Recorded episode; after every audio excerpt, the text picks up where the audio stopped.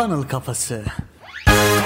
Merhabalar. Funnel Kafası podcast serisi 31. bölüme hoş geldiniz. Ben Emre. Ben Hasan. Bu bölümde sizlerle Twitter'da gördüğümüz çok güzel bir seri üzerine konuşacağız. Koray Haynes adında bir pazarlamacıyı takip ediyorum. Siz de Twitter'dan takip edebilirsiniz. O yaptığı bir seride tüm pazarlama strateji ve taktiklerinin aslında 3 ana kategoriye daha doğrusu platforma ayrıldığını söylüyor. Bunlara ne diyor? Owned, Rented ve Borrowed Audience ya da platform gibi düşünebilirsiniz. Ne demek bunlar? Sahip olduğunuz, kiraladığınız ve ödünç aldığınız platformlar ya da kitleler diyebiliriz. Şimdi bu yapı neyi ifade ediyor? Funnel kafasında da sürekli bahsediyoruz. Uygulanabilecek sayısız pazarlama taktik ve stratejisi var. İşte referral programı yapabilirsiniz, blog yazıları yazabilirsiniz, SEO yapabilirsiniz, paralı reklamlar verebilirsiniz, TikTok'a içerik üretebilirsiniz vesaire vesaire. Peki biz ne yapacağımızı, hangi iş almada nasıl davranacağımızı, neyi seçeceğimizi nasıl bilmeliyiz? İşte burada da baş harflerini S, K, Ö olarak kısaltabileceğimiz sahip olduğun, kiraladığın ve ödünç aldığın yapısının devreye girdiğini söylüyor Koray Enes ve bu yapıyı anlatıyor. Ve aslında Emre abi bizim bütün pazarlama stratejisi ve taktiklerimiz hedef kitleli aramızda kurduğumuz bir iletişim yani bir bağ ile gerçekleşiyor. İşte bu noktada da biz bu iletişime ya da bağ diyelim ki doğrudan sahip olabiliyoruz ya da kiralayabiliyoruz ya da ödünç alabiliyoruz değil mi? E şimdi bunlarla neyi ifade ettiğimizi açıklayalım. 3 tane iç içe bir çember hayal edelim şimdi. En içteki daire bizim sahip olduğumuz hedef kitle. Bunlarla aramızdaki bağ ve iletişim aslında daha derindir. Zaten funnel kafasında da hep biz ne diyoruz? En nihai amacımız bu kitlenin sayısını arttırmak.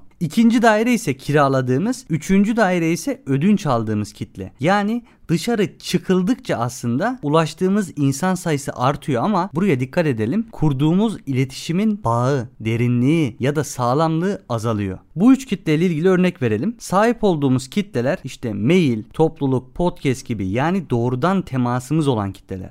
Kiraladığımız ise algoritma ve dağıtıma bağlı kitleler. Ne bunlar? Twitter, YouTube, Instagram ve benzeri platformlar. Bunlar sizi kendi iç dinamiklerine göre insanlara gösteriyorlar. Ödünç aldığımız kitlelerde ise ne var? Başka insanların ya da platformların gücünü kaldıraç olarak kullanıp eriştiğimiz kitleler var. Bunlar ne? Influencer pazarlama, Instagram'da canlı yayına konuk olmak ve benzeri gibi düşünebiliriz. Evet. Bunların detayları nasıl peki? Bunların detaylarında neler var? Onlardan bahsedelim. Sahip olduğumuz kitle yani ne? Doğrudan iletişim kanalı açtığımız, oluşturduğumuz kitle aslında biz bu kitleyle yaptığımız şey ne? Bir temas kanalı açmak. Onlara doğrudan erişebileceğimiz bir yapı kurmak. Yoksa zaten hiçbir kitle bizim değil aslında. Yani sahip olduğumuz tabiri sadece bizim onlarla bir bağ, doğrudan bir temas kanalı oluşturduğumuzu gösteriyor. Bu noktada en başarılı pazarlamacılara bakın. Kendi alanınızla alakalı en iyi insanlara bakın. Bunların kesinlikle en güçlü yanları sahip oldukları kitlelerin çok büyük olması ve onlarla arasında iyi bir bağ kurmalarıdır. İşte mail kitlesi dediği gibi Hasan'ın blog, topluluk, podcast bu konularda bu insanlar çok güçlüdürler. Yani özetle sizin yapmanız gereken ne burada? Sen kitlenle aranda doğru doğrudan bir iletişim kanalına sahipsen pazarlama konusunda daha güçlü olabilirsin. Kendi platformun ne yapar? Her zaman sana daha fazla kontrol imkanı, daha fazla erişim, daha tahmin edilebilir bir veriler sunar. Mesela sen bir eğitim çıkaracaksındır. Şunu diyebilirsin. Ya ben mail kitleme ortalama işte şu kadar insana ulaşıyorum. Bu kadar insan açıyor, bu kadar insan tıklıyor.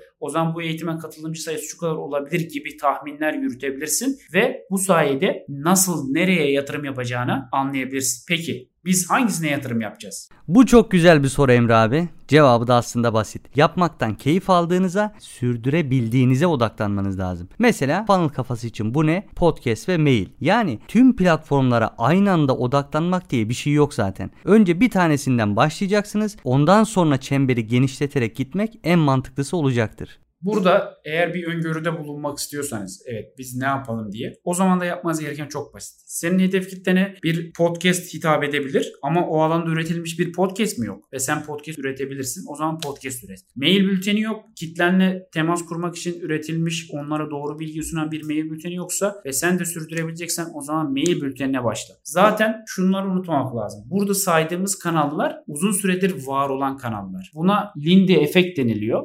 Koray Aynes de bahsediyor. Linde efekt ne demek? Bir şey ne kadar eski ve uzun süredir oradaysa kalıcı olma ihtimali daha yüksektir. Biz ne demiştik? E-mail marketing 1971'den beri burada. O yüzden kalıcılığı daha yüksek sen de sahip olduğun kitleyle aradaki bağı bu tarz platformlarla kurabilirsin. Şimdi gelelim bir sonrakine. Sahip olduğumuzu açıkladık. Bir sonraki neydi? Kiraladığımız platformlar. Bunlar ne? Kendi algoritması ve dağıtım mekanizmasına bizi mahkum eden platformlar. Bunları aşamazsın. Örnek Facebook, Instagram, Twitter, LinkedIn, Snapchat, YouTube, TikTok, Pinterest. Bunların hepsi kendi algoritmasına dağıtım mekanizmasına sahip ve seni bunlara mahkum ediyor.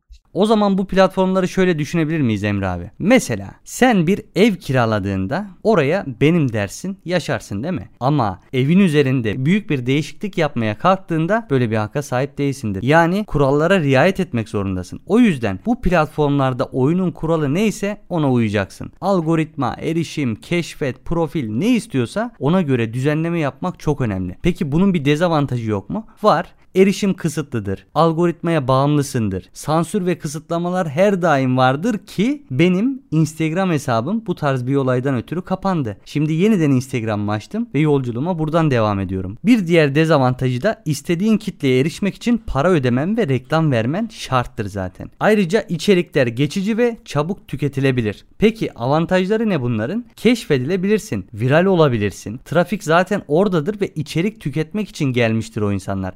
Yapman gereken belli bir platform seçeceksin ve orada istikrarlı bir şekilde üretim yapacaksın. Gelelim ödünç alınan platformlara. Şimdi başka birinin kitlesini bir kaldıraç olarak kullandığımız alan olarak düşünebiliriz aslında bunu. Yeni başladın, belli bir kitlen yok. Olabilir. Büyütmen ve sayıyı arttırman gerekiyor. Ne yapmalısın? İnsanların seni paylaşmasını sağlamalısın. Ya doğal yolla ya da onlarla işbirliği yaparak. Zaten ne demiştik? Ticaret sonsuz oyun, işbirliği seni her zaman daha ileriye taşır. Evet. O yüzden burada bu kaldıracı kullanmak için de bazı yollar, metotlar var. Sen ne yapabilirsin? Aktif insanlarla işbirliği yapabilir. Onlara cazip teklifler sunabilirsin. Kendi markan ya da ürünün için onları bir kaldıraç olarak kullanıp strateji geliştirebilirsin. Burada şunu beklemek de doğru bir şey değil. Ya işte o insanlar gelsin benimle işbirliği yapsın. Hayır sen onlara gidebilirsin yani aktif olabilirsin. Aktif bir şekilde onlarla işbirliği yapabilir ve kitlenin sayısını artırabilir. Onların kitlesini kendin için bir kaldıraç olarak kullanabilirsin. Zaten o kişi kitleyi çekmiş. Onlarla güven tesis etmiş. Dikkatlerini de muhafaza edebiliyor. Yapman gereken ne? Bu kitleye değer katmak. Peki tamam ödünç almalıyım ama kimden ödünç alacağım? Çok basit. Şu soruları kendine soracaksın. Senin hedef kitlenin bulunduğu yer neresi? Onun tükettiği, takip ettiği markalar kimler? Hangi kişileri, hangi üreticileri takip ediyor? Kimlerle temas kuruyor? Sonra hangi tür içerikler tüketiyor? Bu sorulara cevap verirsen zaten kimden kitle ödünç alman gerektiğini ya da kimle işbirliği yapman gerektiğini anlayabilir, tespit edebilirsin. O zaman şöyle bir özetleyelim Emre abi. Diyoruz ki aslında sahip olduğun platformlarının sayısını arttırmak işin en önemli kısmı. Kitlen ile doğrudan bir ilişkiye sahip olduğun için bu çok önemli. Kiralık platformları keşif ve etkileşim için kullanacağız. Bunu da bahsettik. Ama her birinin kendi iç dinamiklerine riayet etmemiz de önemli. Bunu es geçmeyelim. Ödünç aldığın platformlarsa bir kaldıraç ama doğru işbirlikleriyle sonuca gidebileceğin bir kaldıraçtır. Diyoruz ve bugünkü podcast'imizi burada sonlandıralım. Eğer bana ulaşmak isterseniz Instagram ve Twitter'dan Hasan 2N ile Bolukbas ulaşabilirsiniz. Özellikle Instagram'da sizler için değer üreten içerikler üretiyorum. Takip edebilirsiniz. Bana da Instagram ve Twitter'dan ED Doğaner yazarak ulaşabilirsiniz. Ben de genel olarak Twitter üzerinde içerik üretmeye devam ediyorum. Bir de bizim bülten.funnelkafası.com adresimiz var. Burada ne vardı peki? Pazarlamaya dair değişmeyen ilke ve prensipleri kendi tecrübemizde bir araya getirerek yaşadığımız hikayeler, işinizi geliştirmeniz ve müşteri müşterilerinize değer katarak büyümeniz için ihtiyacınız olan funnel prensipleri. Funnel Kafası podcast serisi, Funnel kuruyoruz canlı yayınları, yeni girişimler ve yürüttüğümüz projelerle ilgili yaşadıklarımız her şey bülten.funnelkafası.com'da. Oraya gidip mail adresinizi bırakın ve bizden gelecek size değer üretecek mailleri bekleyin diyorum. O zaman ne diyoruz Emre abi? Funnel kafasından uzak kalmayın. Ve unutmayın bu hayatta hepimiz birer satıcıyız. Kendinize iyi bakın.